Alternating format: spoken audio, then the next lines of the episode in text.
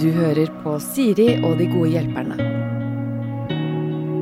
Ukas gode hjelpere er Daniel Kammen og Peder Elias. Daniel er velkjent for alle våre lyttere, men når han ikke er her og løser problemer, så er han låtskriver og musiker. Og for oss som ser på TV, så har vi jo også sett deg i f.eks. Kompani Lauritzen. Ja. Maskorama, eh, hvor du vant. Ja. Ja. Ja. Peder, du er også artist. Eller Peder Elias, sier man jo da. eh, Nei, når man snakker vant- om vant- artisten. Nå må jeg bare si at jeg vant ikke. Vant du ikke Maskorama? Nei, jeg kom på andreplass. Han er Bilal, han, vant jo, han vil jo alt, da. Men la oss gå til Peder. Han vant faen meg 71 grader nord foran en idrettsstjerne. Ja, Gjorde han det? Er det Polarstjerna som, som vokter over han? Jeg tror nok det er eh, Julestjerna? Ja. Julestjerna, ja. Nå vokter over han. Det er jo ja, veldig fin type, da. Ja. Nå stjeler du oppmerksomheten til Til Peder Elias. Elias. Apropos Peder Elias. Jeg ville bare ikke gå for at jeg hadde vunnet. Unnskyld. Nei. Ja. Eh, Peder Elias, også veldig fin type. Eh, artist veldig populær i Innlandet, men eh, kanskje enda mer kjent i Ja, Asia. det skal jeg begynne å skrive, det skal jeg skrive bioen min på eh, Insta. ass. Fy fader. Men eh, i Asia er det Altså, det er huge. Hva skjedde? Nei, eh, si det. Det var først uh, Hadde en låt som uh, bare gikk helt viral i Sør-Korea, og Ja. så Lang historie kort, så har det vokst, og ja. Det er veldig god stemning når jeg reiser ditover. Gøy. Eh, og så har du hjelper for aller, aller første gang. Det er også en ball som kan rulle noe jævlig, skal du se. Ikke sant? ja, ja, Ja, ja, se ja, på ja. meg, eh, Pe- Peder Elias. eh, Her Ja, eh, snart det er Innlandet historie. Her er Telemark, Ja. Oppland, Buskerud og alt bare uh! Ja, kan bli helt sjukt.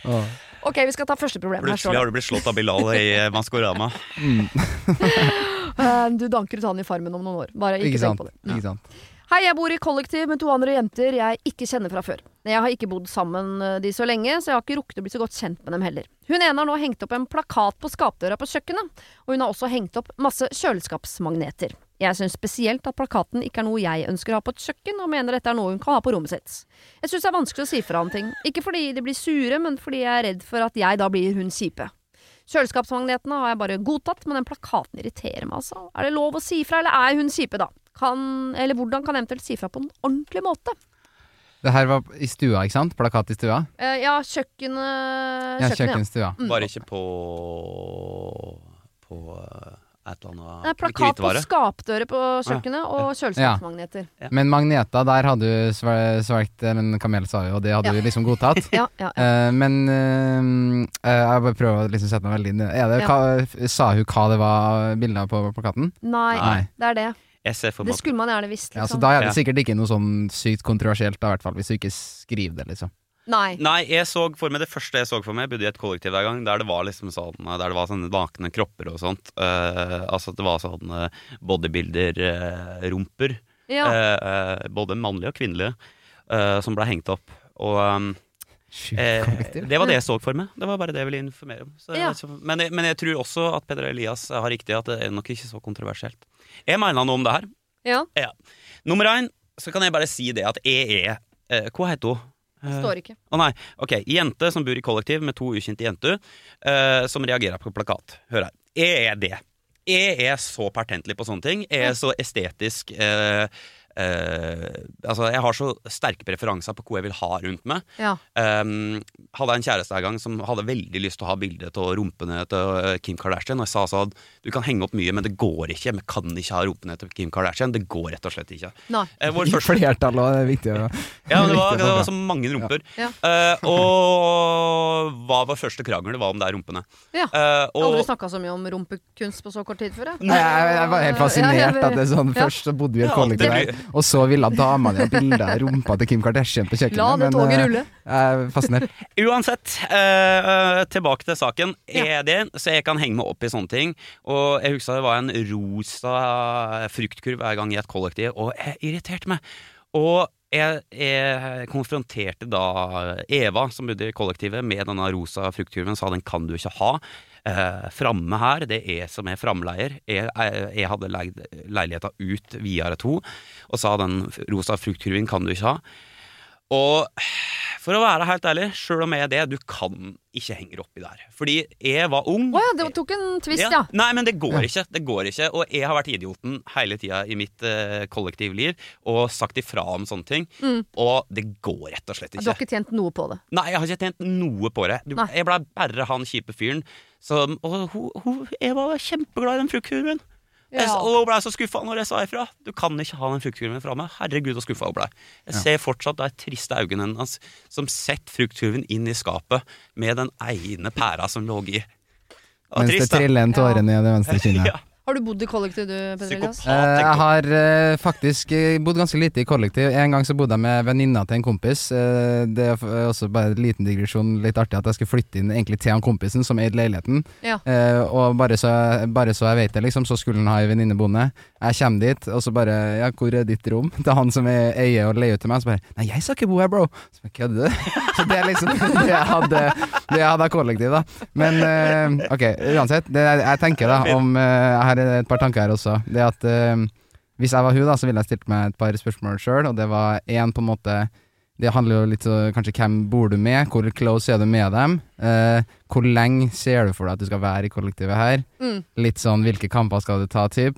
Eh, Og så tenkte jeg også sånn, som jeg ble litt nysgjerrig på, hvordan ser det kjøkkenet eller den stua her ut, hvor mye er det som er på veggen her, er det liksom ingenting, og så den ene plakaten, kunne hun på noe vis eh, eh, kjøpt et bilde, eller liksom et eller annet, komme, komme med et motsvar, liksom sånn Ja. Sånn, hva syns du om den her?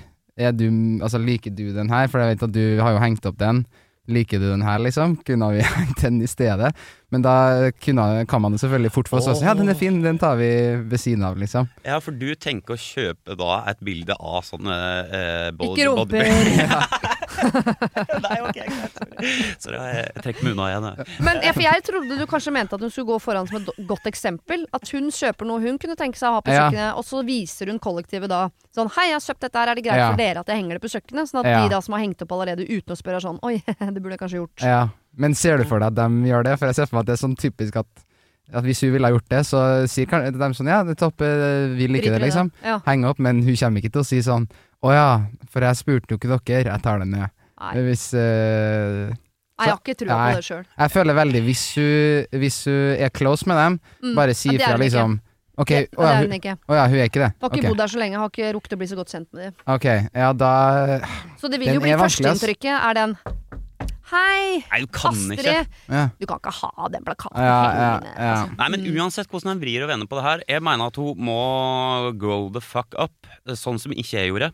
Og på en eller annen måte innse det at nå bor du i kollektiv. Det Mm. er forskjellige preferanser. Det fellesarealet er for alle. Og da får du, eh, som Peder Elias sier, du får henge opp et eller annet eh, enten fint eller gresslig sjøl. Det er jo to taktikker rundt det der å henge opp noe fint. Ja. Eh, enten så kan du henge opp noe du faktisk syns er fint, og på en måte prøve å vege det ut. Eller Ja. så kan du gå for noe sånn skikkelig gresslig. Ja. La oss si nei. Eh, Ja, så, så heslig at de sier 'sorry, det her kan vi ikke ha', og så og vi da sånn kan du si, men da kan vi ikke ha det den. Men jeg liker ikke de greiene dine. Kan vi ta ned det òg, da? Så det går jo an å provosere fram noe sånt nå. Så byr opp til den dansen da hvor hele stua blir fullt av bare Du skal bare toppe den andre hele tida med Tenk sløggerting. så mange rumper Nei, Uh, men uansett, så uh, Jeg mener fortsatt at uh, det her er Når du bor i et kollektiv, så må du tåle såpass. Det er så mange andre kamper som kan bli tatt, og kommer til å bli tatt i det kollektivet, at hvis du begynner på det som henger på uh, kjøkkenskapet, da går du ned en long and winding road, for å sitere Paul McCartney. Ja. ja. Jeg er enig. Jeg er også litt enig, og det høres ut som at uh, det er kanskje at vi kommer med det litt kjedelige svaret, men uh, jeg regner med hun har sitt eget rom, da, siden det er kollektiv, så Ja. gjør det dritsmooth innpå der, da. Innred det sånn at du kommer inn og er sånn wow, for en vibe det er innpå her. Ja. Og så får du på en måte tenke at du skal kanskje ikke bo der uh, så lenge, og akkurat kjøkkenet, og du er jo sikkert en del innpå rommet ditt, og da skal du ha god feeling og en god atmosfære innpå der. Det er bedre å ha det eh, estetisk vakkert inne på rommet og ha, det, ha god stemning i fellesarealene enn at det må være så estetisk vakkert der. òg. Hun spør er det lov å si fra, eller er jeg kjip da? Det er lov å si fra, men du er litt kjip da. Eller det er ikke sikkert du er kjip, men de, de kommer til å synes at Mm. du er litt kjip. Fordi alle kollektiv har i hvert fall minst én som bor i kollektivet, som ikke burde bodd i kollektiv. Og det, men det merker Daniel Kvamme er ikke noe kollektiv type. Jeg eh, trivdes ikke kollektiv. Vi, vi flytter fort videre, for vi skjønner at vi er sånne folk som, eh, som skal bo aleine, så vi veit hvilke vaser som skal stå framme og ikke. Ja.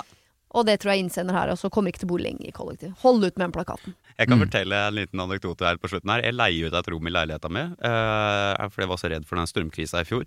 Og der er jeg sånn at uh, nå har det bodd ei fantastisk uh, flott jente der som jeg liker veldig godt. Hun heter Kari. Hun har bodd der nå. eh, og hver gang så ser jeg, jeg går inn og ser på rommet hennes, så tenker jeg sånn Faen, hun har tatt vekk liksom alle bildene mine! altså, men eh, Og så tenker jeg å ja, ja, det er hun som leide rommet nå. Ja, ok. Men ja, jeg burde Ja. ikke bo i kollektiv. Ikke sant? Ja. Nei, du burde vel tenkt at ikke gå inn på rommet hennes heller. Men hun har oppe døra innimellom. Okay, ok, ok, ok, ok, ok. Og for dem som hørte den, eh, den kortere episoden av podkasten her, så er det Kari som Daniel snakka om. Ja. Når eh, han snakka om å ha på brekket. Ja. Og når det egentlig Nei, nei, nei, nei, nei, Hun nei, het også. Kari, faktisk. Hæ? Nei. Men det er hun. Nei, Ja, det er hun, ja. Ja. Nei, uff. Nei, nå må vi ikke legge det på. Sånn er jeg ikke. Sånn er jeg ikke. Ryddig i forhold til mine leietagere. Ja, okay. En god utleier. Denne uken har eh, Siri og De gode hjelperne et samarbeid med utstillingen The Mystery of Banksy, A Genius Mind. Den utstillingen kan du se på Økernsenteret i Oslo helt fram til 16. juni.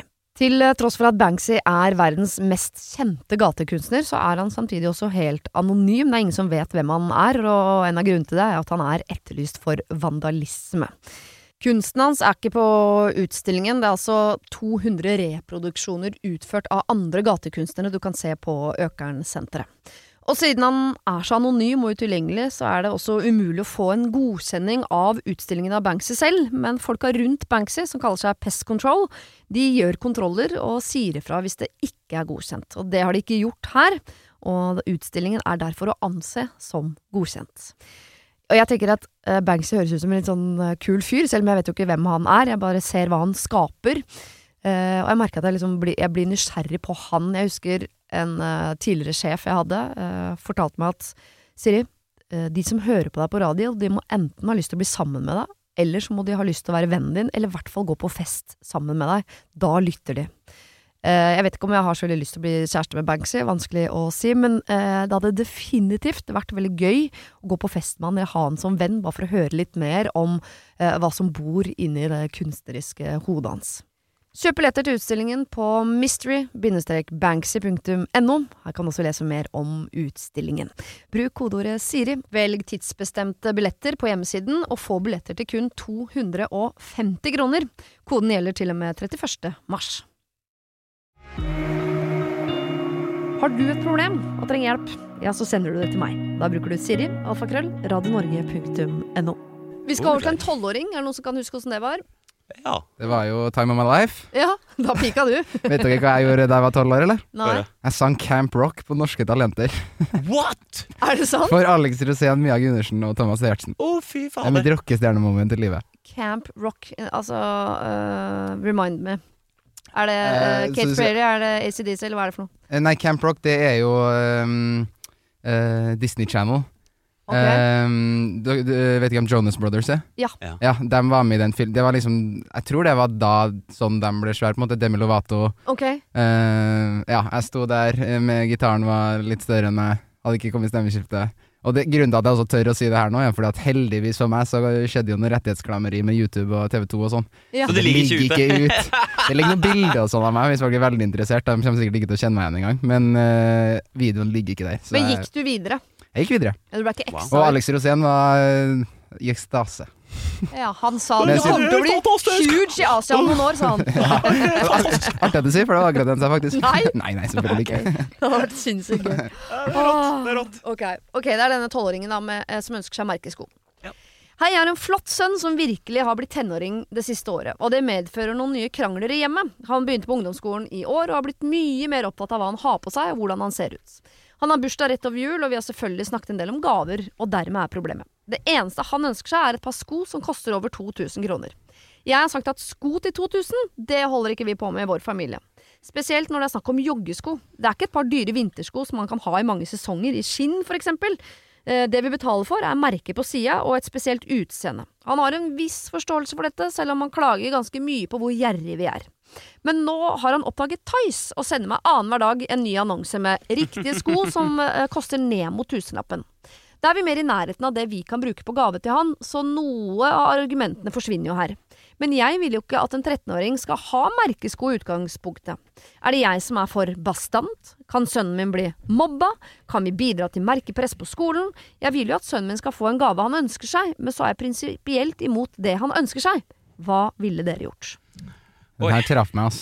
Gjorde det? Mm. Ja, det gjorde det. For jeg synes sånn her er liksom Det er på en måte så trist, sånn der merkepress og Ja, generelt bare sånn press blant barn, ungdomsskole, alt sånt. Det er så kjipt. Men så Enig. Enig. Ja, så Det første jeg tenker er litt sånn Jeg tenker egentlig sånn Det beste hadde vært hvis man finner noen sko som ikke er de merkeskoene, og han syns at «Ei, de her er egentlig veldig fett, jeg liker dem her. Mm. Eh, men så skjønner jeg jo på en måte at det er jo ikke Jeg vet jo selv da jeg var yngre, man ville jo fort gå i det liksom de på skolen hadde, og Mm. alt det der. Så jeg tenkte med en gang sånn, ok, han har funnet på Tice, det var jo på en måte en veldig Det var jo egentlig en fin start på en løsning. Mm. Kunne hun for eksempel for å altså, si fra hva på en måte mammaen syns om det, snakke litt om det, snakke litt om det med press og merker, og prøve på en måte å ha en åpen dialog om det i, i hjemmet, samtidig som hun kanskje for eksempel sier Ok, jeg betaler eh, Hvis han, si han fant noe på Tice til 900 spenn, da. Og så Ja. Ok, greit, etter de har tatt den praten og sånn, og sier egentlig hva hun syns og alt sånn, men hvis du fortsatt mener at du virkelig liksom vil ha skoen her Mm. Jeg betaler 600 kroner, du må eh, tjene opp 300 kroner selv, Mm. fordi jeg egentlig ikke støtter de skoene her. Du må, i og matte og også, så må han fy faen. gjøre noe. Ja. Ja, så liksom eh, et eller annet som bidrar med noe sånt at han kanskje tenker seg litt ekstra gjennom. Og det gjør jo på en måte det moralske regnskapet hjemme mye bedre. Mm. Men det hun er litt bekymret for også, det er at ute blant folk så går jo han rundt med sko som i utgangspunktet koster over 2000 kroner, som gjør at naboen, som jo ikke har hørt om Tice eller ikke er like Mhm. god i matte, eh, tenker sånn å ja, da må jeg også ha sko til 2000, det har ikke vi råd til. Og så har han på en måte satt i gang noe, da. Ja. Kan jeg, eh, kan jeg informere om Vi fikk jo dette i en sånn kortversjon til noen sånne sosiale medier før vi starta. Ja. Hvilke sosiale medier var det, hvis folk skal finne det på sosiale medier, eh, Siri? Instagram. Instagram, ja. Ok, Så det, vi fikk jo dette i kortformat før vi starta her, eh, til sosiale medier. Da fikk vi dette dilemmaet. Og eh, da, var jeg veldig, da var jeg veldig kort og tenkte at dette var veldig enkelt, og nei til merkes. Nei til sko. Men når jeg hører det i detalj, så må jeg si at jeg syns det er mer komplekst som så. For det første så syns jeg at uh, dette merkepresset er jo da et uh, større samfunnsproblem, sjølsagt. Uh, vi lever i en eh, verden Vi lever i et eh, land der folk blir rikere og rikere, og det er klart at da utvikler det seg Når forskjellene blir større og større, så utvikler det seg eh, slike Hva skal vi si Kanskje litt sånn leie tendenser til å på en måte eh, lage skille mellom folk, da. Som for eksempel det her med merkegreier. er. Og det er på et sånn grunnleggende nivå, så er jeg veldig imot det. Det som jeg syns er interessant her, er at 2000 kroner Mm. høres ikke ut for meg som at han har funnet Det, det er ikke de dyreste skoene som er å hente der ute. Nei, nei, nei. Eh, så han har ikke Og jeg har en Det kan bare bli mye verre enn dette. Dette kan bli Ja. mye verre. Hilsen mor til 14-åring. Ja. Og nå, eh, så, ja, for, fordi jeg trodde det var snakk om sånn Han skal ha 7000 kroner på sko, liksom. Ja. Mm. Eh, når jeg fikk dette i stad. Og så har jeg en veldig klok kompis av meg. Eh, eh, han er hoffsjef. Eh, det, jeg bare liker å skryte ut det, for jeg Ja, synes det det er så tøft at han er hoffsjef. Ja. Men uansett, han, vi prata litt om det her den dagen, og han har noen venner av seg som har unger og sånt, og så sa han det at eh, de er eh, han var veldig imponert over denne uh, vennen sin unge, fordi det var, uh, han, han hadde en sånn fantastisk evne til å velge seg sko som var ha, Altså var akkurat dyre nok til å ikke bli knabba eller bli mobba for. Eller altså på en måte Så han gikk aldri for det mest snobbete. Nei. Hvis det gir noe mening. Mm. Men han kjøpte seg sko nok som var kule nok til at det var innafor. Ja. Og det høres jo ut som han her driver med. Og i tillegg så var han eh, da også opptatt av akkurat det her med eh, resirkulær eh, energi, eh, økonomi. Ja. Altså Mm. Tice har jo blitt nevnt her. Ja. Så for det første så vil jeg påpeke punkt én. Det virka som at kiden din Han prøver jo dessverre å passe inn. Ja. Så det der, det komplekse her er jo det hele den diskusjonen, og det må du kanskje ta med han. Men du risikerer jo også at han havna utafor, fordi samfunnet er beinhardt her. Jeg kan Mm. tenke på det som masse sjøl, hvis jeg hadde hatt mine fiktive unger som går på skole hver dag. Tenk sånn, faen, hva skulle jeg ha på seg i dag, tenker jeg. Ja. Eh, men Står det på smøre fiktive matpakker og sånn? Ja, står jeg aleine. Men ser jeg bilde av rumper på Ja, nei. Eh, uansett. Hver gang! Hver gang. Jeg vet jo har sponsa det noe rumpeplakatselskap i Annonse der, Det er siste gang nå. Det er siste gang. Men uansett, så den, den Men jeg tror du må ta inn over det at det er en stor sjanse for at han er utafor. Og jeg syns ikke det høres ut som Og da er punkt to Det høres ut som han har tatt et ganske sånn uh, Altså, hva heter det? Et sobert valg Ja. i forhold til merkesko. Så Ja. jeg ville kanskje gått for den Tice-løsningen og så tatt den gode samtalen med en om hva dette betyr, og heve seg gjennom merkevarebevissthet, og om at det ikke er det identitet og eh, verdi i andre folk skal ligge. Så hvis Ja. du tar den praten Men så hadde jeg faen meg kjøpt deg skoa til. Det hadde jeg gjort hvis det var min unge. Det, det som er van for det første er det jo vanskelig med altså, 12-13-14-åringer. som- eh, Det er jo en alder hvor man er ekstremt opptatt av å ikke skille seg ut, samtidig Mm. som man skal finne seg sjøl. Det er jo en spagat som er nesten helt umulig å stå i for tenåringer. Mm. Eh, og det er Jeg tror ikke vi voksne husker eller klarer å sette oss inn i hvor livsviktig det er for i hvert fall mange ungdommer å ikke skille seg ut. Så de, Mm. de skoene handler bare om at hvis ikke jeg, eh, hvis ikke jeg har det de andre har, Mm. så, så tror du på en måte hele verden raser sammen. Mm. Eh, og nei, det er jo ikke sånn at man nødvendigvis skal være med å skape den verden for de.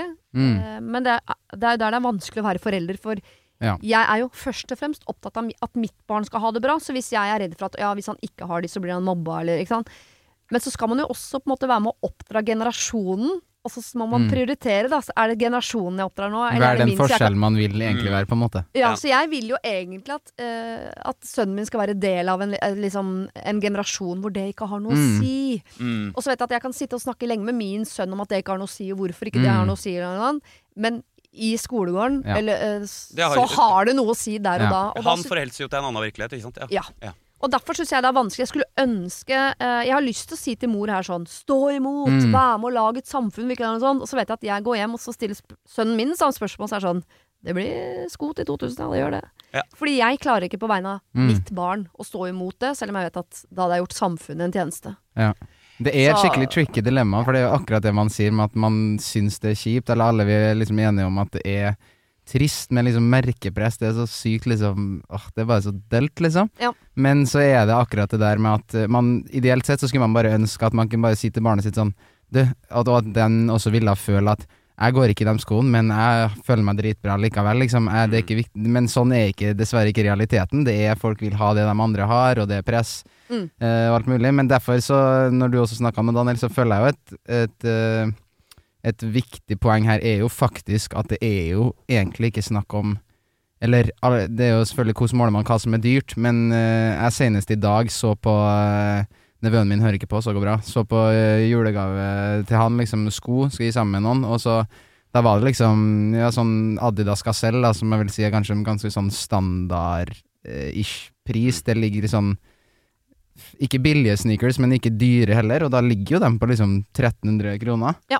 Så sånn hvis han klarer å finne de skoene ned til 900, liksom, så er jo det Man kan jo i hvert fall forsvare prisen, da, føler jeg. Det er, man kan jo ikke forsvare prisen på 8000 på noen sko, for eksempel. Nei. Uansett. Og hvis du da har fått inn det at han er villig til å kjøpe brukte sko på Tice, men eh, der har du fått inn noen gode verdier, så der, Mm. det på en måte kan du klappe deg sjøl på skuldra for. Eh, Mm. Skoene er ikke så dyre, så er ikke liksom, du har ikke skapt en helt sånn crazy verden som ikke Mm. allerede fins. Mm. Eh, og hvis man i tillegg får inn sånn som jeg prøver å si til mine barn, med sånn, sånn eh, som de jo ikke hører der og da, men kanskje de tar det med seg videre i livet, som er sånn Hadde det ikke vært kult å være han ene som som gjorde noe annet, eller Ja. tok et eget valg? Eller kunne det ikke vært kult å være han første på skolen som hadde på seg denne typen jakke, eller denne Mm. typen skole, sånn? Så ser de dumt på en og sier sånn øh, nei. Men da har jeg i hvert fall sagt og kanskje planta et frø, da. Ja. Kan, jeg, kan jeg legge til en ting? Ja. Um, jeg, det her kommer til å høres ut som en digresjon, og det er det, men jeg kommer tilbake til poenget. Jeg holdt et foredrag som handla om gutta og psykisk helse innimellom. Og eh, her en dagen så kom det opp ei egen reklame der. Ja. Eh, men det kom opp ei dame til meg, og hun var ganske sånn frustrert etterpå. For hun sa sånn Ja, men sønnen min han hører ikke på meg, liksom. Du, du ble, ja, han hører ingenting.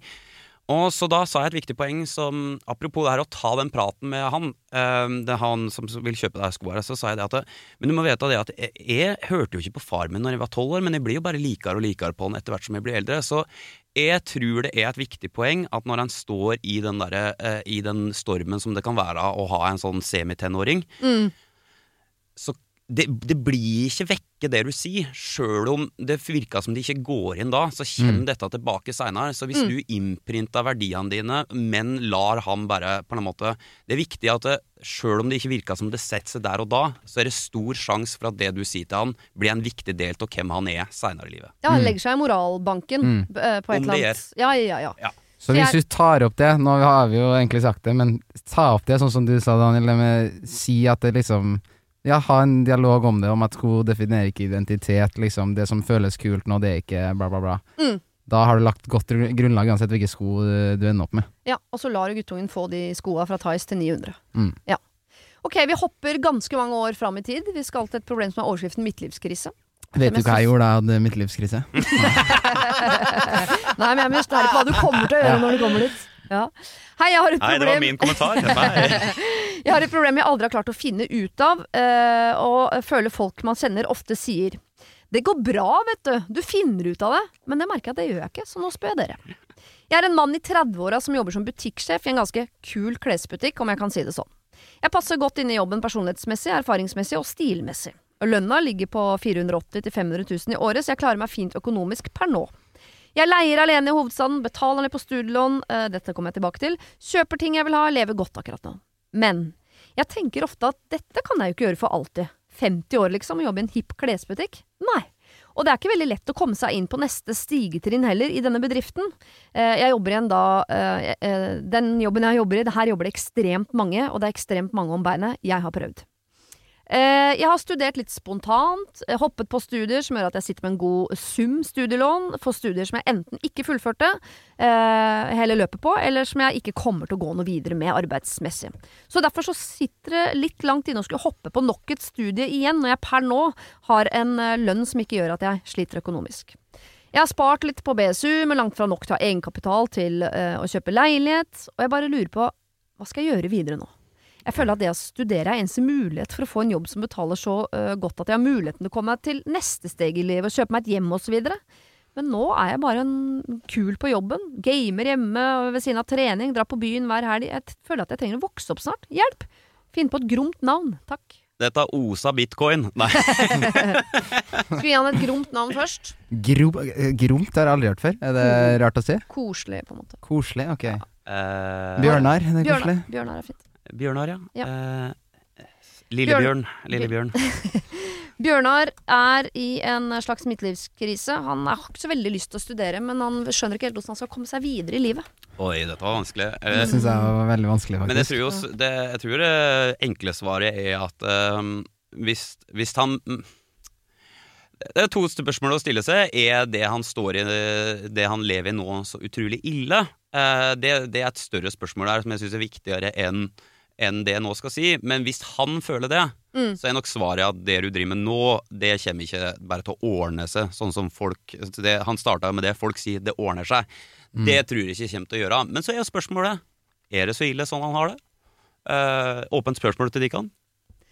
Nei, jeg er ikke så veldig glad i at man skal øh, Det er fint å planlegge og tenke framover sånn, men å problematisere noe som per nå ikke er et problem, ser jeg ikke noe grunn til å gjøre. Og, det, og det, jeg også tenker at jeg kan ikke holde på med dette når jeg blir gammel. Det er, det er veldig mange som gjør det, men det har Og nå skal ikke jeg bli hun, Jeg syns det er et veldig bra program. Jeg. 100 hundrende i rekka som sier at dette kommer til å ordne seg. Men det er ikke det at det nødvendigvis ordner seg, men ting skjer jo underveis. Det er ikke sikkert at den veien du hadde sett for deg at du skulle gå, blir noe av, men en eller annen vei kommer det til å gå. Det kan godt hende at du om 20 år fortsatt elsker å stå i den butikken du står i. Mm. Kanskje du om 15 år får en mulighet videre i den jobben. Eller hei, kanskje han i butikken ved siden av har lagt merke til at du gjør en god jobb, så han lurer på om du vil bli Ikke sant? Man eller om, hvis du om 20 år tenker sånn jeg hater jobben min, så kanskje du da er gira på sånn vet du, Jeg har lyst til å, å, jeg har lyst til å bli sosionom, jeg. Jeg lurer på om jeg skal ta tre Ja. år. Ja. Så jeg, bare, jeg skjønner ikke hvorfor han nå skal røske opp med rot nå. Ja, fordi han, han trives på en måte i butikken. Ja. Ja, men, ja, Det er men sånn mer enn på en måte sånn Det er helt ok, på en måte. Jeg tror jeg leste det som at han trivdes, eh, men at han kanskje var litt sånn bekymra for de økonomiske og kanskje samfunns... Eh, altså, han forventa kanskje at Han skulle være et annet sted. Ja, samfunnet forventa mer av han, var liksom en del av i det at han skal tjene mer penger. Men Ja. så Ja, er, eller pluss for at jeg tror han trives i butikken han er i. Han passer der, han er fornøyd med lønna. Mm. Men så han eier ikke egen leilighet. Så jeg tror kanskje han er bekymra for sånn ja. Hvordan skal jeg klare å forsørge en familie? Jeg har Ja. ikke råd til rekkehus med hage og en, en Volvo med en barnevogn. Ikke sant? Hvis man tenker sånn wow, hvordan Mm. Men det, når man ikke er i det, så er det helt umulig å se for seg Ja. at det skal la seg gjøre. Men av en eller annen grunn så, så får man det til når man må. Ja, er jeg tenkte litt sånn uh, Ja, og med sånn byen hver helg og sånn. Han hørtes jo han, eh, eh, Sa han det? Om han ikke sa han var singel, Mm. han liksom la det i hvert fall veldig fram som at det er bare han eh, i hans liv, på en måte. Mm. Og da tenkte jeg jo litt sånn, har du ikke lyst til å prøve å finne, eh, finne noen, liksom? For det tenker jeg jo er sånn En sugar mama. Ja, som eh, for eksempel. Så Ja. blir et team, på en måte, og da blir det jo liksom plutselig så er det jo mange, mye andre faktorer inn i miksen her, på en måte, på hva man skal Ja. Hva består hverdagen av, og hva, hvordan ser en framtid eventuelt ut, da, for da hvis du faktisk eh, finner noen, for da avhenger det jo mye av av den personen, da plutselig har man for eksempel ref leilighet og alt det der, da, så har du jo to personer sin inntekt. Ja. Eh, da kan det på en måte Det er kjedelig å si 'få deg dame', men, eh, eller mann, eller eh, whatever, men Men gjør det, ja. Nei, men det er litt det jeg mener med at du vet jo ikke hva som blir, og om det blir et problem i framtiden. Fordi eh, spol ti år fram, eh, kanskje har blitt sammen med en eh, ti år eldre mann.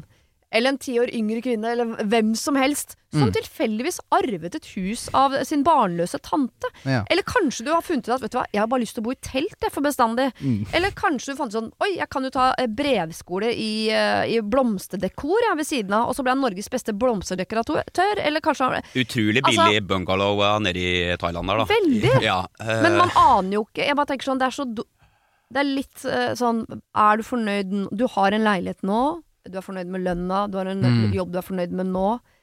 Ikke problematiser Sto det hvor lenge han har jobba der? mm, mm, mm, mm, mm, mm. For det føler jeg kan ha litt å si. Har han jobba der i to år, på en måte, og han syns det er smooth, så er det sånn Da ser jeg for meg at det kanskje er større sjanse for at han ikke syns det er like nice som ti år, men hvis han allerede har jobba der i fem pluss eh, år, så Så kanskje hvis han kan stille seg selv Det er jo litt vanskelig, selvfølgelig, men prøve å se for seg Ok, fem år frem i tid, jeg gjør akkurat det samme som jeg gjør nå. Mm. Prøv, og det er jo, ja, som sagt vanskelig, men prøv å kjenne litt etter inni deg. Tror du at det vil Men det er jo det han gjør. gjøre meg lykkelig? Ja, Ja. men er det ikke det han gjør, da? Jeg bare føler at uh, At han heller mot nei, liksom? Ja, jeg, t jeg føler at uh, Jeg tror han må bare Han må, han må ta og stille seg sjøl, fordi det han refererer til, er jo uh, eh, kjøp av leilighet. Så, så Ja. grunnen til at han tar opp eh, lønna, ja, han syns det er ok, han syns det er fint, men at det ikke fører til liksom, noen forventninger. Og jeg, det er jo ikke sikkert det er hans forventninger. Så det er jo det han, på en måte, sånn som du sier, jeg er veldig enig med det, Siri, at eh, Mm. her eh, handler det om at eh, det er ikke sånn at eh, alle kan tjene 1,5 millioner i året. Det er ikke sånn at alle kan Altså, noen av oss må jobbe i butikk, noen av oss eh, eh, Altså, så Sånn er samfunnet, og hvis han er fornøyd, og han kjenner det inni seg, så er dette akkurat sånn som du sier, ikke noe problem. Nei. Hvis derimot han kjenner inni seg sjøl, og sånn som du sier, Peder Elias, at eh, herregud, jeg ser fram, fem år i, fram i tid, og da sitter jeg med egen leilighet, og eh, sitter oppe på Holmenkollen og eh, koser meg sammen med Erik Follestad, eller hvor jeg driver det der oppe. ja. Ja. Da. Men eh, da tenker jeg som så at eh, da må han faktisk ta noe grep, og da må han kanskje begynne å studere. Da, da må han kanskje, Men det er jo på en måte eh, Men jeg tror jeg landa på det du landa på, Siri. At det, du hvis du, hvis du er fornøyd, så ikke gjør dette til et problem. Nei, men hjelp! Jeg føler jeg trenger å vokse opp snart. Da. Hva da vokse Ja. opp? Du har fast jobb som butikksjef, eh, du bor i en leilighet, eh, Mm. du er fornøyd med Gamer, lønna. faen, er jo Mm. jævlig rått, da. Jeg, jeg syns ikke du trenger å vokse opp snart. Jeg, jeg syns du er eh, voksen. Mm. og så syns jeg man skal ta de problemene når de kommer. Kan, det er lov å planlegge sånn hvis han drar på byen hver helg. Bruk 400 kroner mindre hver helg på byen, og legg de eh, til side. Eller altså gjør noen Bruk smarte, små skins grep på som gjør at du kanskje, hvis det er det at du har lyst på en leilighet, Mm. prøv å, å spare litt ekstra til det. Ta noen gode liksom, valg som gjør at det ikke er helt umulig å se for seg. Mm. Hvis han føler at det er, som dere er inne på, at det er samfunnet på en måte og det vi lever i, og hva som på en måte forventes av en i en viss alder og sånn, hvis han føler at det er derfor at han er sånn Shit, jeg kan jo ikke gjøre det her, for jeg er jo 35. Mm. Hvis det bare er derfor, så eh, da mener jeg 100% liksom ikke stress med det. Det har du ikke noe grunn til i det hele tatt. Du lever et veldig vellykka liv, liksom. Ja. Ikke tenk på det. Men hvis det ikke er derfor, hvis det er på en måte inni hjerterota, da er jeg litt sånn ok, kanskje ikke stress da heller, men kanskje ok, sjekke litt studier, prøve å tenke litt på det, og så plutselig så finne ut hva du har lyst til å gjøre. Og hvis han er lei av tralten og kjeder seg, gå på jobb, butikksjef, hjem, game, helga, ut på byen Er lei av den tralten, så går det an å røske opp i den tralten uten at det betyr at livet ditt er mislykka. Få deg en Ja. annen hobby, da. Ja. Eh, bytte ut Thailand. Nei, men begynn med fjellklatring, da, eller hva vet jeg. Mm. Du kan gjøre noe med annet enn jobben, eller- liksom. Ja, ja, ja. ja, ja. Altså det der eh, Nå skal jeg si det du hater at folk sier, ja. Skal jeg si Du finner ut av det. Det går bra, vet du. ræva gjeng på jobb. Ok, apropos ræva på jobb. Eh, kjærlighetssorg på jobben, dere. Denne uken har eh, Siri og De gode hjelperne et samarbeid med utstillingen The Mystery of Banksy, A Genius Mind. Den utstillingen kan du se på Økernsenteret i Oslo helt fram til 16. juni. Til eh, tross for at Banksy er verdens mest kjente gatekunstner, så er han samtidig også helt anonym. Det er ingen som vet hvem han er, og en av grunnene til det er at han er etterlyst for vandalisme. Kunsten hans er ikke på utstillingen, det er altså 200 reproduksjoner utført av andre gatekunstnere du kan se på Økernsenteret. Og siden han er så anonym og utilgjengelig, så er det også umulig å få en godkjenning av utstillingen av Banksy selv, men folka rundt Banksy, som kaller seg Pest Control, de gjør kontroller og sier ifra hvis det ikke er godkjent. Og det har de ikke gjort her, og utstillingen er derfor å anse som godkjent. Og jeg tenker at eh, Banksy høres ut som en litt sånn eh, kul fyr, selv om jeg vet jo ikke hvem han er, jeg bare ser hva han skaper. Uh, og jeg merker at jeg, liksom bli, jeg blir nysgjerrig på han. Jeg husker en uh, tidligere sjef jeg hadde, uh, fortalte meg at Siri, uh, de som hører på deg på radio, de må enten ha lyst til å bli sammen med deg, eller så må de ha lyst til å være vennen din, eller i hvert fall gå på fest sammen med deg. Da lytter de. Jeg vet ikke om jeg har så veldig lyst til å bli kjæreste med Banksy, vanskelig å si, men det hadde definitivt vært veldig gøy å gå på fest med han eller ha han som venn, bare for å høre litt mer om hva som bor inni det kunstneriske hodet hans. Kjøp billetter til utstillingen på mystery-banksy.no. Her kan du også lese mer om utstillingen. Bruk kodeordet Siri, velg tidsbestemte billetter på hjemmesiden, og få billetter til kun 250 kroner. Koden gjelder til og med 31. mars. Har du et problem og trenger hjelp, ja, så sender du det til meg. Da bruker du Siri, alfakrøll, radionorge.no. Jeg har et problem på jobben, på en måte. Jobber på kontor der vi sitter i mindre team, og trives godt med teamet mitt, men jeg kan også trekke meg litt unna fra tid til annen. Nå går jeg gjennom en kjip uh, greie. Jeg har skikkelig kjærlighetssorg, og det er skikkelig dritt. Men jeg klarer stort sett å holde motet oppe, er med venner, gjør ting som er bra for meg, men på kontoret er det vanskelig. Der må jeg jo dra hver dag, og blant de som er i mitt team, er det en som er høygravid, og en som holder på å få seg samboer. Og det vil de jo gjerne snakke om. Jeg skjønner det, men jeg har også sagt fra dem at jeg syns det er litt vanskelig om dagen, og de er åpne for å prate om bruddet eh, mitt, eller være der for meg. Og egentlig er de fine kollegaer helt til vi sitter i lunsjen og noen spør dem om noe helt hverdagslig. Og, øh, og absolutt alt de gjør, handler om hvor lykkelige forholdene deres er. Jeg blir helt satt ut. Jeg må bare logge meg av samtalen for ikke begynne å gråte. Hva skal jeg gjøre da? Jeg kan jo ikke kreve eh, at det ikke snakkes om lykkelige forhold i lunsjen. Vi er ikke en så stor gjeng, så det er som en regel felles lunsj. Alternativet er at jeg spiser helt alene, og det vil jo også bli lagt merke til. Men det er kanskje greit, eller? Hilsen Frida med hjertet i hånden. Har du noe, Peder Elias? Ja, eh, for det første så kjenner jeg meg jo øh, på en måte litt igjen. Jeg har gått gjennom et brudd øh, ganske nylig, som er det mest evige i mitt liv. Ja. Selv om Det det var var synd at vi skulle havne her sammen, Peder Elias. Ja, det, det- det, det var jo vondt. Det, det, det, Nei da, men det, altså det blir for det bedre, og 100% så var det riktig å gjøre. Men jeg kan jo relatere til at brudd er jo jævlig vanskelig, og jeg Mm. tenker sånn eh, Nå kom det jo ikke fram helt sånn kanskje hun følte om seg selv i det, men jeg tenker i hvert fall at eh, et fint steg sånn ref lunsjen og liksom Ok, du sier du må holde igjen gråten og alt sånn. Først i hvert fall bare innse at det er helt ok å ha det sykt dritt akkurat nå. Det er ikke noe sånn at det er noe eh, feil med deg, eller det er dumt og sånn, og liksom Å, jeg må klare å være rundt dem, eller sånn. Godta at det suger akkurat nå, og hvis det også har vart lenge eller kort, eller sånn, følelsene dine, godta hvordan du føler det, Mm. og ikke vær hard med deg selv for det. Og så ta, prøv å ta tak i de små lysglimtene og tenk at det vil faktisk bli bedre. For det vil det, så Du kommer til å tenke tilbake på disse lunsjene og tenke at å faen, da hadde jeg det dritt, ass, men det gikk jo bra. Nå er, har jeg det bra. Ja. Så Bare holde ut, rett og slett, i de lunsjene. For å gå og spise kanskje. lunsj aleine, da graver man seg jo Ja. litt ned også. Gir man seg selv Ja. enda bedre tid til å bare sitte og tenke på at ting er dritt. Og hvis det er sånn at dem sitter liksom sånn eh, og bare snakker om å glorifisere sine forhold, og liksom sånn hvor bra de er og sånn, da er det greit å si liksom sånn Sorry, men gidder dere, eller? Ja. Eh, liksom Hvis de er sånn én gjeng, sånn at det ikke er sånn du kan sitte med andre, men hvis det er litt mer sånn Sånn Hei, vi skal eh, Vi må kjøpe oss ny eh, barneseng, eller whatever, og så er det liksom Det må du kanskje bare rett og slett eh, stå i. Ja, jeg, Ja. jeg, tenker, jeg tenker at uh, Det er jo sånn Du er jo veldig, veldig god her nå, da, Peder Elias, fordi jeg, begynner å bli så gammel jeg, at jeg syns det er vanskelig. Jeg merker at når, når noen går fra hverandre, eller noen uh, daua, eh, så mm, jeg ofte føler kan ha litt til felles, sjøl om det selvsagt er to veldig veldig forskjellige ting. Så, så er det sånn at jeg veit ikke hva jeg skal si lenger, for det er bare det at det her, det, nå gjør det dritvondt. Og jeg er sånn, jeg blir helt knust når det blir slutt, og sånt, så jeg, og det sitter i som er sånn eh, Som ei rot du skal trekke ut, har jeg tenkt på det som. At det er liksom sånn at du står og drar en rota, det gjør så vondt, og det, det går liksom og det er liksom ingenting å si enn at eh, du må bare persevere, som det heter. Du må jo bare holde ut. Og Mm.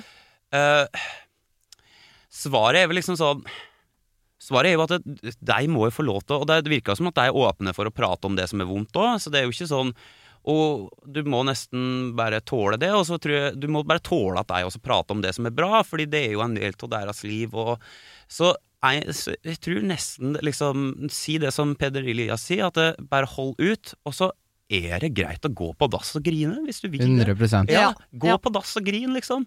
Og hvis det er noen som finner ut det, så er ikke det noe farlig. Nei, nei, nei. Nei, så tenker jeg, eh, Du må ikke slutte å utsette deg for at det potensielt er folk rundt deg som er lykkelige. Altså Ikke sett deg aleine i lunsjen og tenk at nå, er jeg, eh, nå syns jeg livet er dritt. Da kan jeg bare være sammen med folk som har det dritt, eller så må jeg kreve av de som har det bra, at de later som. Mm. Det går ikke, så du må liksom Virkelig. utsette deg for det. Men det, det er jo lov å si sånn Oi, sorry, nå ble det litt mye Valentine's Day-stemning her Mm. inne. Jeg, jeg orker ikke, liksom. Og så mm. går du og gråter. Mm. Og kanskje hun kan på en måte si det også ved å Uten at du trenger å si det, da. Ved å si at eh, eh, mm, ved første mulighet, der du kanskje Eller til og med avbryte noen hvis det går, blir helt ille. Sånn Hei, så dere eh, Hørte dere Siri og De gode hjelperne i går, eller? Og så Ja. bare styr samtalen ja, inn på noe Ja. annet, liksom. Ja. Så slipp det, i stedet for å bare sitte inne og så tenke bare sånn Det her suger så hardt, og jeg er så lei meg. Prøv å svinge gjennom noe Hørte du. Siri og go eh, de gode hjelperne i stad? Der prata Ja. om hvordan livet sugde så inn i helvete. Men man kan jo også, jeg tenker også at man kan, hvis man klarer på et eller annet tidspunkt å ta det med list, et visst humør, som, at man kan le litt av sånn Sorry, ass, nå sitter jeg og syns bare synd på meg selv igjen fordi dere snakker om uh, babyutstyr og Å Og kunne le litt Mm. av sin egen gråting, på en måte. Ja. Uh, det tror jeg heller enn den For jeg bare ser for meg hvis hun prøver å skjule det, Mm, eh, så hun bare skyver stolen sin litt sånn med lyd ut fra bordet og går midt i lunsjen mm. så vil jeg kanskje sitte igjen som og, og, jeg, kunne, jeg kunne funnet på å bli litt irritert på det. For da hadde jeg tenkt sånn, Blei hun sur på oss nå fordi vi snakker Ja. om vårt Mm. liv? Mm. Og da Absolutt. mister du, kolleg da mister du Mm. rausheten i kollegaene dine, som er de kollegaene som har Mm. vært villige til å snakke om Mm. særlighetssorgen din, men som også, som hvor alle snakker om sine liv. Og da må man være åpen for at noe av det er bra, noe av det er dårlig, og det er plass til alt. Men Absolutt, og der har du et veldig sånn eh, godt Du sier sånn le litt, Tore. Og i alle fall da, i overført betydning, på en eller annen måte prøve å se det litt utafra. Altså se din e ditt eget humør utafra, fordi um, så, Ja, om du kan le, Tore, eller bare si sånn Ja, jeg veit at det er litt ute nå, liksom. Det er Ja. bare sånn det er for tida. Mm. Og, og på en måte sånn desarmere sin egen oppførsel med Fordi de fleste har jo kjempe Alle her har jo kjempeforståelse for det. Eh, Dine Mm. kollegaer har mest sannsynlig veldig forståelse for det. Og det er helt greit. eh, og ja, som bare sier sånn Ja, sorry. Sorry, jeg, jeg syns det er litt kjipt å høre på nå. Jeg bare, men jeg er litt fucka i huet for tida. For det, ja. ja, og så Ja. tenker jeg, når vi åpner opp for at du kan slippe unn humoren her, så vil jeg ikke åpne opp for den humoren som er av type sånn Ah, ja, jeg skjønner at det er veldig vanskelig å ikke vite om du skal ha blå eller rosa barnehage. Ja. Det er sikkert kjempetrist. Passiv aggressivitet, det den må du ikke skjønne, for du kan ikke bli lur deg ut sur på den. de nei, nei. de har det bra. Og dem, for dem, i hvert fall syns jeg måten du skriver det på, så syns jeg jo kollegaene egentlig høres uh, eh, Høres egentlig hyggelig og Mm. forståelsesfulle ut. Og det er jo alle som uh, De fleste har jo hatt kjærlighetssorg en gang i livet. Eh, og alle vet jo at det blir altoppslukende, og det er krevende, og så går du på jobb, og så hvis de er med en liten klikk, liksom, så er det veldig naturlig å drive og Åh, det er liksom Det er det eneste man tenker på. Å, de er så lykkelige, og bla, bla, bla. Og, Ja. Men det er greit, det kommer til å bli bedre. Og ja, jeg er veldig for sånn styr samtalen inn på noe annet. Det kan, hun kan jo.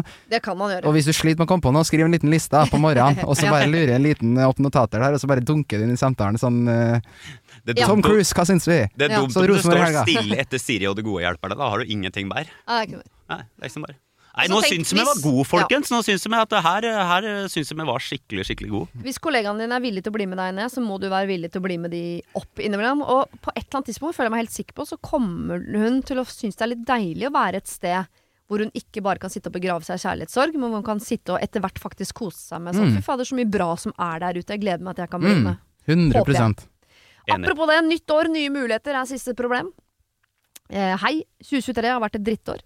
Jeg er egentlig en som stort sett er blid og fornøyd, ja, men det året her har handlet om å bare komme seg gjennom. Både kjæresten og jeg har siste året som studenter, så det er hektisk. Samtidig har det skjedd ting i hans familie, ting i min familie og mellom oss som har gjort at vi har sklidd helt fra hverandre. Men eh, vi har ikke hatt ork eller tid til å gå fra hverandre. Fordi vi er så gode venner, har vi holdt ut. Vi har støtta og trøsta hverandre, men vi har ikke sovet på samme rom siden før sommeren. Vi har snakket om at vi skal komme oss gjennom jula sammen, og så skal vi finne, finne andre løsninger hver for oss. Fordi jeg har vært såpass av, og samtidig såpass nede, så har jeg gjort ting man ikke skal gjøre når man egentlig er kjæreste, andre skjønner. Ting som ikke betyr noe, men som man bare gjør når man er deppa. Problemet nå er vi har så smått begynt å finne ut av ting vi nå i det siste. Familiegreiene har roa seg, studiene går lettere, og ja, nå oppfører vi oss litt småforelska. Og det har hendt at vi har besøkt hverandre på hverandres soverom, om du skjønner. Men så har vi sovet hver for oss. Så det føles litt ulovlig og ja, bare litt sånn gøy og lett. Så nå vurderer jeg jo å se på om det kan bli oss allikevel. Men det herpes jo helt om jeg forteller hva jeg har gjort. Må han vite det? Jeg har jo tenkt at jeg på en måte er singel. Kall meg den hvite løgner. Skjønner dere? De har vært, kjæ de har ikke vært kjærester, men de har vært samboere. Har vel egentlig ikke gjort det slutt. Men Nei. hun har følt seg singel og gjort ting single driver med. Ja, det har vært i hvert fall hun en dialog der, da. Det, det blir jo ikke oss uansett. Mm. Ja. Men så kan det jo bli det, da. Men blir det det hvis hun sier det? Du kan få starte, Peder Elias. Skal jeg starte? Fy fader. Uh, Det er, er altfor vanskelig for ja, at jeg kan starte. Det er, litt, eh, det er litt vanskelig, jeg skal innrømme jeg kjenner på det selv, og jeg føler at på en måte en litt viktig faktor for min del er jo som Hugh bare kan svare på helt selv, som Hugh vet inni seg, er jo litt sånn Hva er på en måte Ja, med tanke på det hun har gjort og alt sånn, hvordan var på en måte eh, den relasjonen, hva har de sagt seg imellom? Eh, hva har de på en måte blitt enige om? Og jeg skjønner at de ikke har blitt enige om eh, ut fra at de skulle være single og, og sånne ting, da. At det er i hvert fall litt gråsone, Ja. i, i hvert fall. Um, men på en måte òg så høres det jo også litt ut for meg som at ok, hun er fortsatt ikke Det sto ikke sånn. Problemet her er at nå veit jeg at jeg vil at det skal bli oss. Nei. Det er jo bare at nå på en måte åpner plutselig døra igjen, for nå er det plutselig nice igjen. Og jeg kan jo se for meg at uh, det er også en mulighet for at det er litt sånn uh, på vei opp igjen, når man egentlig har tenkt at å, det blir ikke, og så plutselig så uh, tenker man ikke så seriøst over det, og så får man tilbake litt av den lekenheten og på en måte litt den startfasen, og kanskje derfor de tenker sånn å, nå er det jo så uproblematisk, og kanskje nettopp fordi de egentlig tenker at det skal ikke bli oss, Mm. men og så begynner de igjen, så kan, jeg, så kan jeg se for meg at det høres ut som det er mulighet for at de gamle problemene dukker opp igjen, så Det da tror jeg òg, det tror jeg òg. Da er på en måte rådet mitt sånn- rådet mitt sånn at Gå fra hverandre. Vent litt, og sånn å se Prøv det litt seriøst igjen før du eventuelt sier fra, deg, selv om jeg er egentlig sånn Veldig tilhenger av å på en måte være ærlig, egentlig. Ikke uansett, fordi jeg forstår at i visse tilfeller så, så er det ikke alltid bra. Men jeg ville ha venta litt og sett hvor tilbake er de på vei, før hun eventuelt bestemmer seg. Ja, altså, Men kan jo si det at eh, Hvis det fins to, eh, to platå til det her, da, to nivå, Ja. så er jeg iallfall 100% enig med Peder Elias her om at eh, en venta Fordi det er jo ikke noe vits i å såre han på den måten hvis de ikke skal være sammen, så da får jeg i hvert fall være 100% sikker på at de skal være sammen før hun vurderer å si noe. Og så Mhm. er jeg veldig, veldig usikker på om hun skal si noe i hele tatt. Hva med det du, Siri? Dette syns jeg mm, Nei, for jeg syns jo på en måte jeg har sett eh, eh, nok sånne hekla plakater på diverse kjøkken og pynteputer hvor det står noe om at vi, Ærlighet varer lengst. Ærlighet varer lengst eller Ja. Live, skal- love, laugh, og så Ja. varer lengst. Og så tenker jeg sånn, hvis, hvis dere skal ha en sjanse til en runde nummer to, og det skal bli liksom den runden som varer livet ut, så hadde det vært deilig å starte med helt blanke ark og alt det der. Så en liten del av meg tenker det, men en stor del av meg tenker også at dere skal ha nubbesjans til å finne ut av ting i et forhold som allerede skranter litt. Mhm. Og så skal du putte mer dritt i søpla, liksom, før dere Mer bensin på bålet. Ja, enten så må dere bare kaste all dritt på bålet, og hvis dere allikevel kommer ut av det som kjærester, da er det jævlig sterkt. Mm. Eller, eller så må dere bare ikke kaste noen ting på bålet og håpe at man klarer å holde liv i den lille flammen. Men jeg har jo Når jeg først nå beveger meg inn i den ildmetaforen, så vil jeg si at jeg har mer troa på å kaste all dritt på bålet. Og hvis det da allikevel Mm. fungerer, så er det dere. Ja, Enn å holde det litt sånn på lunk. Jeg følte veldig nå, at, eh, som jeg ikke sa i stad, at uh, noe som jeg ville ha tenkt, uh, er at hun Jeg tror hun er jo den som vet best her. Ja. Hvor på en måte wrong in the wrong hun har vært, uh, hvis dere skjønner. Ja. Um, og da må hun tenke over litt det selv, for da vet hun på en måte hvor Hun vet kanskje bedre enn noen hvor mye hun på en måte har kryssa den linja, da. Og så vurdere det, og så vurdere hennes egen samvittighet oppi det. Ok, hvis de fortsetter, er det å si de skal bygge et liv sammen, starte familie og alt, er det her noe hun kan eh, leve med? Er det her noe hun syns er fair overfor seg selv og for han, og så på en måte vurdere om hun bør si det eller ikke? Kan, jeg, kan jeg være litt djevelens advokat her, Ja. eh, for å bruke et eh, kleint uttrykk? Um, jeg er enig i at hive alt på bålet, og hvis en uh, kommer ut av det, så er det eh, sikkert det aller, aller vakreste og peneste i et sånt scenario. Mhm. Min erfaring er bare at jeg har jo da sett på en del sånn eh, utroskap og sånt, og sett det blant venner, og sett det i alle slags former og vesen, liksom. Og min erfaring er jo det at eh, den som ofte utfører, mener veldig lite mer, og det høres jo ut som at hun også tenker sånn Nå, nå har jeg, nå har jeg sklidd litt utpå, det betyr kanskje ikke så mye for meg. Og så veit jeg 100% at herregud og sårende det er, liksom. Ja, Eh, hvis den har vært på, siden, på den feil sida av det, eller sett noen som har vært på feil side av det, så er det liksom eh, Du kunne like godt drept noen, liksom. Det er så jeg bare er sånn Jeg blir aldri klok på det her. For jeg har venner som har gjort sånne ting og latt være å si det, og lever i beste velgående. Så jeg, altså, det kan være gift, og det er, det er ikke måte på hvordan liksom, ting, ting har gått videre og har det så fint. Eh, og der ting ikke har blitt sagt, og der jeg tenker sånn Det var herregud bra at en aldri sa noe.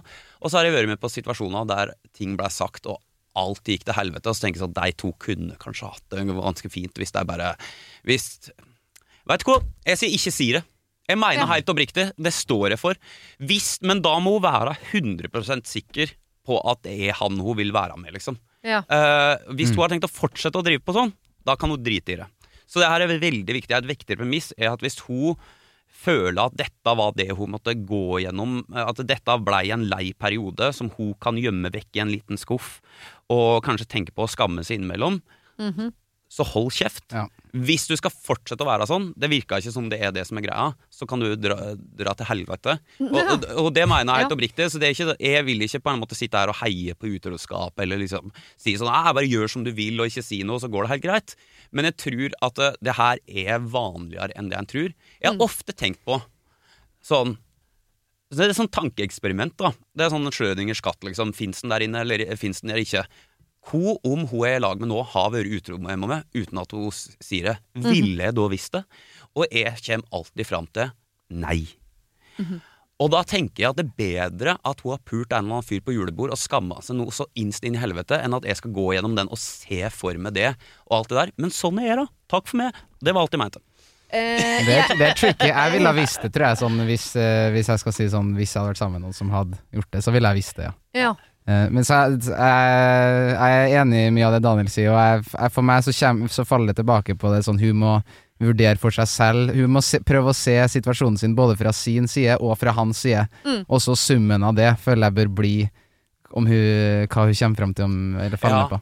Men jeg, tror enig, også jeg, bare se, for jeg er ja. enig med jeg, eh, Altså der hvor jeg er i mitt liv Hvis mannen min hadde ramla utpå en sånn eh, Ramla innom et eller annet rart på danskebåten på guttetur, liksom, så har jeg tenkt sånn For guds skyld, ikke fortell meg om det, for Mm. da går jeg fra deg. Og da er hele livet Ja. ferdig, og det vil jeg ikke. Da vil jeg heller Nei, leve? Da vil jeg Mm. heller at du skal skamme deg resten av livet.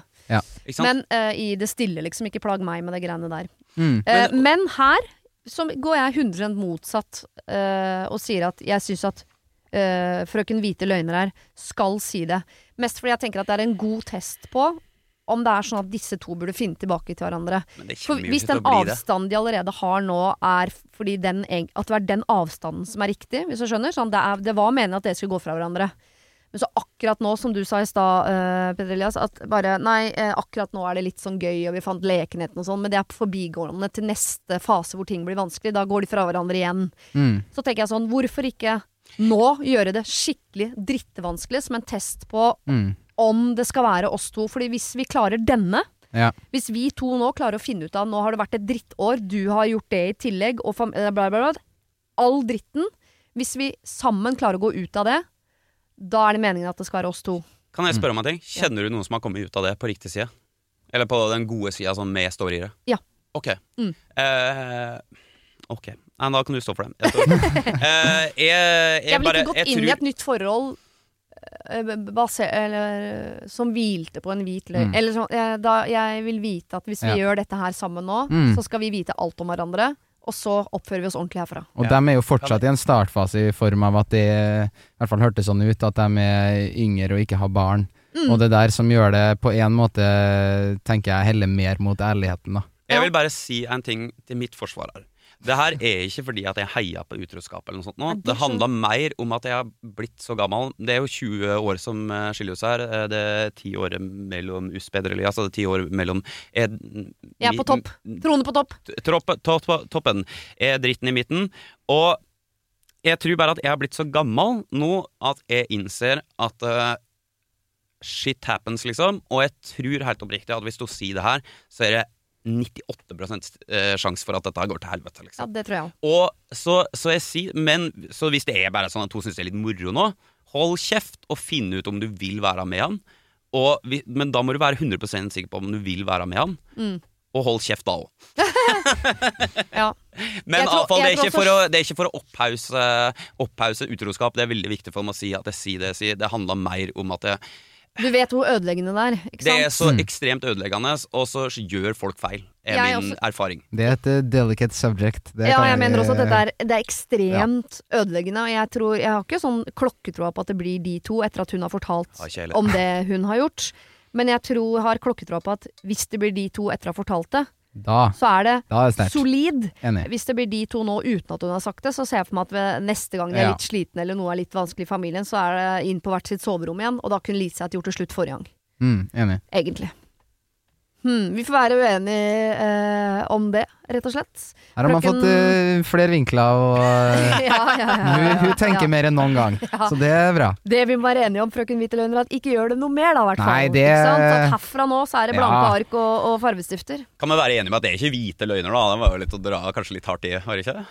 Ja, nei, den er jo grå, ja. Ja, den er grå, Ja, den er grå grå, løgner. Ja. Grå løgner.